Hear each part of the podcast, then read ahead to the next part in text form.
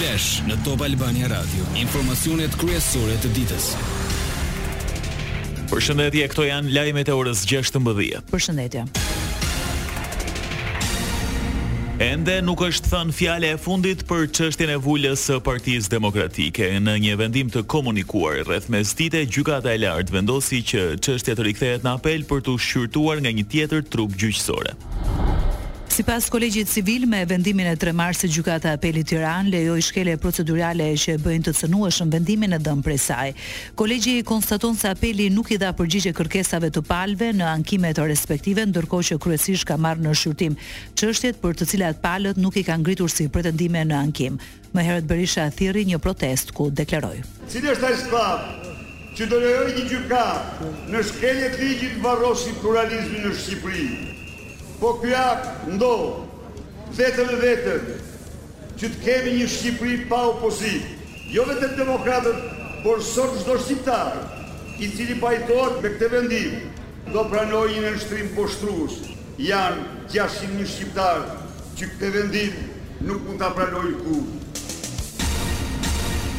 Partia Demokratike Zyrtare reagoi në lidhje me vendimin e Gjykatës së Lartë për vulën dhe e cilëson peng të procedurave juridike. Vendimi i sotëm i Gjykatës së Lartë është një tjetër hap drejt vendosjes së drejtësisë së vonuar.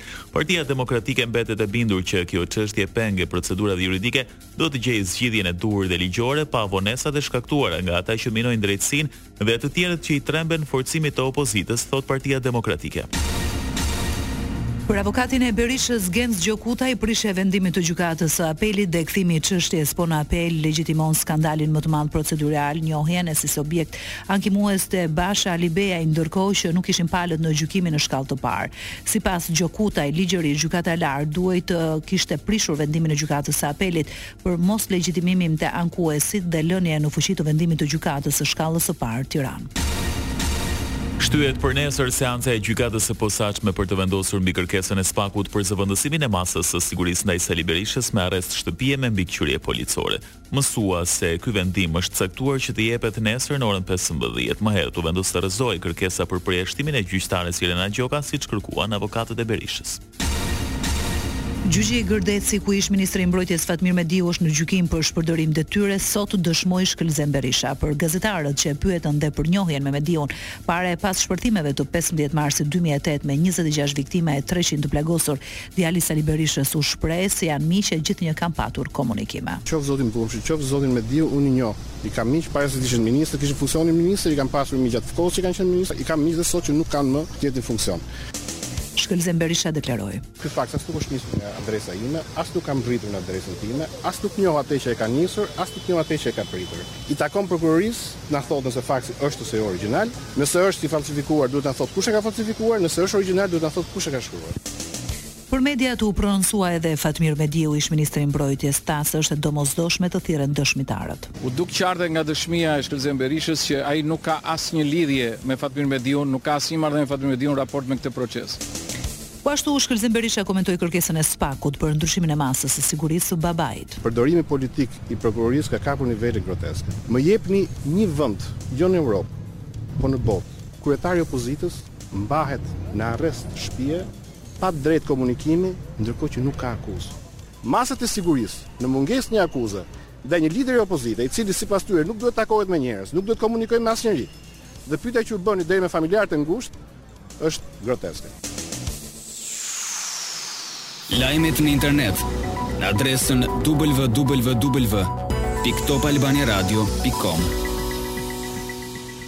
Agjencia Kombëtare e Shoqërisë së Informacionit, AKSHI, informoi opinionin publik se ka rënë pre sulmeve kibernetike. AKSHI njoftoi se situata është rikthyer në normalitet pas rreth gjashtëdhjetë minutash dhe faqet qeveritare janë sërish në funksion të plotë. Sipas agjencisë, sulmet nuk kanë lidhje me sigurinë e sistemeve dhe të dhënave në to, por vetëm me bllokimin e faqeve publike. Mediat izraelite shkruajnë se Shqipëria vazhdon të jetë në shënjestër të sulmeve kibernetike të sponsorizuara nga Irani. Jerusalem Post thekson se të hënën Kuvendi u sulmua nga një grup që besohet të jetë i lidhur me me Iranin, referuar grupit të hakerave Homeland Justice. Në një reagim, parlamenti tha se nuk ka humbje të të dhënave. Më tej, Jerusalem Post shkruan se Homeland Justice mori përsipër sulmin edhe ndaj disa kompanive telefonike në Shqipëri e pretendon edhe se ka arritur të ketë akses në të dhënat e faqeve të hakeruara. Hakerat kanë përdorur hashtagun Destroy Durrës Military Camp Referuar kampit të muxhahedinëve në Manzë të Durrësit. Në portin e Durrësit u goditën dy raste të kontrabandës së mallrave të ndryshme, ku për disa prej tyre paguhet akcizë. U sekuestruan gjashtëqind fishekzjarrë, pajisje elektroshtëpiake, pije alkoolike dhe artikuj të tjerë. Procedohen penalisht tre shtetas, mes tyre dy drejtuesit e autobusit dhe drejtuesi i automjetit, ku u gjetën këto mallra. Lajme nga rajoni.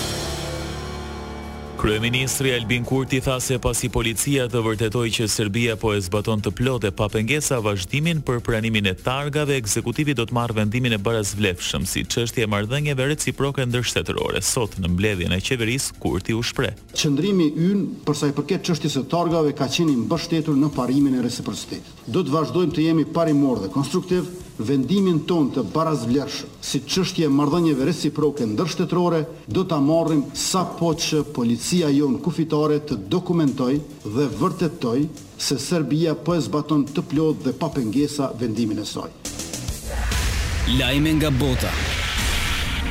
Forcat izraelite zgjerojnë ofensivën orët e fundit bombarduan kampet palestineze të refugjatëve në Gazën Qendrore, ndërsa ju kërkuan banorëve të evakuoheshin. Ato janë përfshirë në luftime të rënda në veri të Gazës, si dhe në qytetin jugor të Khan Yunisit. duke i shtyrë palestinezët në zona gjithnjë më të kufizuara në kërkim të strehimit. Pavarësisht thirrjeve të Shteteve të Bashkuara për Izraelin që të reduktojë numrin e viktimave në mesin e civilëve si dhe presionit ndërkombëtar për një armëpushim, kryeministri i Izraelit Netanyahu tha se ushtria po thellonte luftimet. Ai kishte një mesazh drejtuar Hamasit, Ju shohim dhe do arrijmë tek ju. Izraeli nuk do të lëshojë më viza automatike për punonjës të OKB-së, duke i akuzuar si partnerë bashkëfajtorë në taktikat e grupit palestinez Hamas. Zëdhënësi i qeverisë izraelite u shpreh se do të shqyrtojnë kërkesat për viza rast pas rasti. Kjo mund të kufizojë përpjekjet e ndihmës në Gaza. Moti i keq në Australinë Lindore, nëntë viktima. Stuhia goditi shtetet e Viktorias, Uellsit të Ri Jugor e Queenslendit, duke sjellë breshër e shira të rrëmbyeshëm. Si pasojë e erave të forta, u shkulën çati dhe u rrëzuan pemë. Mbi nëntëdhjetë mijë familje kanë mbetur pa energji elektrike. Parashikimi i motit. Vendi ynë do të ndikohet nga kushte të qëndrueshme atmosferike, dominon mot i kthjellët në të gjithë territorin e me vranësira fare të pakta kalimtare në relievet malore në lindje. Temperaturat variojnë nga minus tre deri në gjashtëmbëdhjetë gradë celsius.